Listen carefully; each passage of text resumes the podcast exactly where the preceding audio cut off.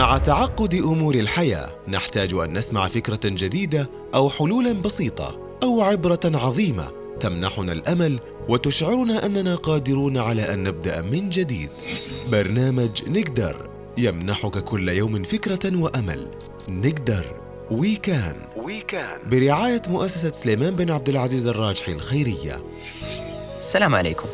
تعالوا نفكر اليوم سوا بموضوع ضغوط العمل. شعور معتاد يصيب الموظفين والمدراء والعاملين هو الإرهاق. الإرهاق من كثرة العمل المطلوب الإرهاق من التحضير لعمل الغد الإرهاق من المسؤوليات المطلوب تنفيذها الإرهاق من كثرة ساعات العمل. باختصار لن تجد موظفا أو عاملا أو مديرا يحدثك عن عمله حتى لو كان رائعا إلا أن يقول ولكنه عمل مرهق عندي لك أربع نصائح. جرب فقط أن تمارسها باستمرار. وستجد أن الإرهاق والارتباك المعتاد الذي يصيبك أثناء مزاولة عملك انتهى تماما أو على الأقل انخفض. الأمر الأول انسف كل الأوراق من مكتبك. لا تترك على مكتبك سوى الأوراق المتعلقة بالعمل الذي تمارسه الآن فقط.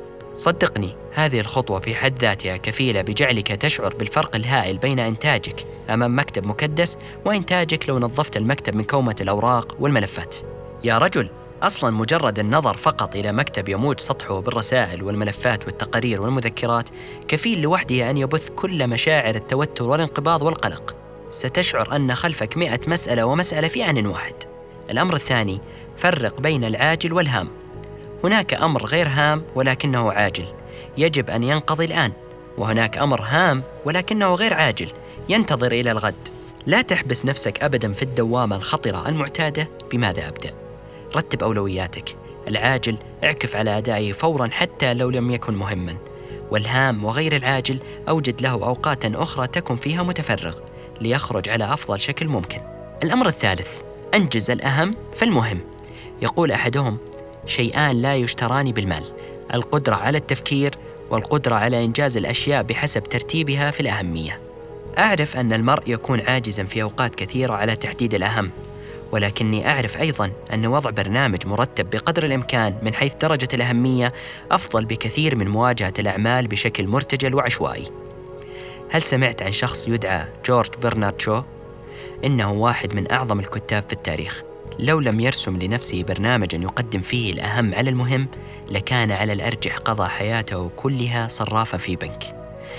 كان من أول ما يتضمنه برنامجه اليومي كتابة خمس صفحات أوصلته في النهاية إلى الغاية التي يريدها بأن يصبح من أشهر الكتاب في العالم. الشيء الرابع اقضي على المشاكل فورا. لا تؤجل مشكلة أبدا لليوم التالي. لا تغادر مقر عملك إلا وقد انتهيت من حل المشكلة. اعقد اجتماعا مع زملائك، استفسر، اسأل، ولكن احرص قدر الإمكان ألا ترجع إلى منزلك وهناك مشكلة مستعجلة عالقة تنتظر الحل. صدقني إن عدت ستقضي ليلة سيئة. وستفكر كثيرا في مشاكل العمل وأنت في منزلك أو مع أصدقائك بعد انتهاء الدوام. لذلك احرص بشدة على ألا تغادر مقر العمل إلا وقد انتهيت من حل أي مشكلة مستعجلة ظهرت لك ولا تؤجلها ابدا. إذا زرت في يوم ما مكتبة الكونغرس في واشنطن ستجد أمامك خمس كلمات قالها أحد المتأملين منقوشة على السقف تقول: النظام هو القانون الإلهي الأول. لذلك فالأولى بالعمل أن يكون قانونه الأول هو النظام أيضا. كما ذكرت لك في الخطوات السابقة. التزم دائما بالنظام العاجل أولا ثم الأهم فالمهم. ابحث عن حل المشاكل فورا ولا تدع لها أي مجال لكي تنمو. اخلق لنفسك بيئة مريحة مرتبة أنيقة وجدولا مرتبا منظما يجعل من يومك يوما غنيا مليئا بالأحداث خاليا تماما من التوتر والقلق الناتج عن ضغط العمل. ويبقى الكلام مجرد كلام إلى أن يدخل حيز التنفيذ. برنامج نقدر من إعداد وتقديم سعد الحمودي. هذا البرنامج برعاية مؤسسة سليمان بن عبد العزيز الراجحي الخيرية.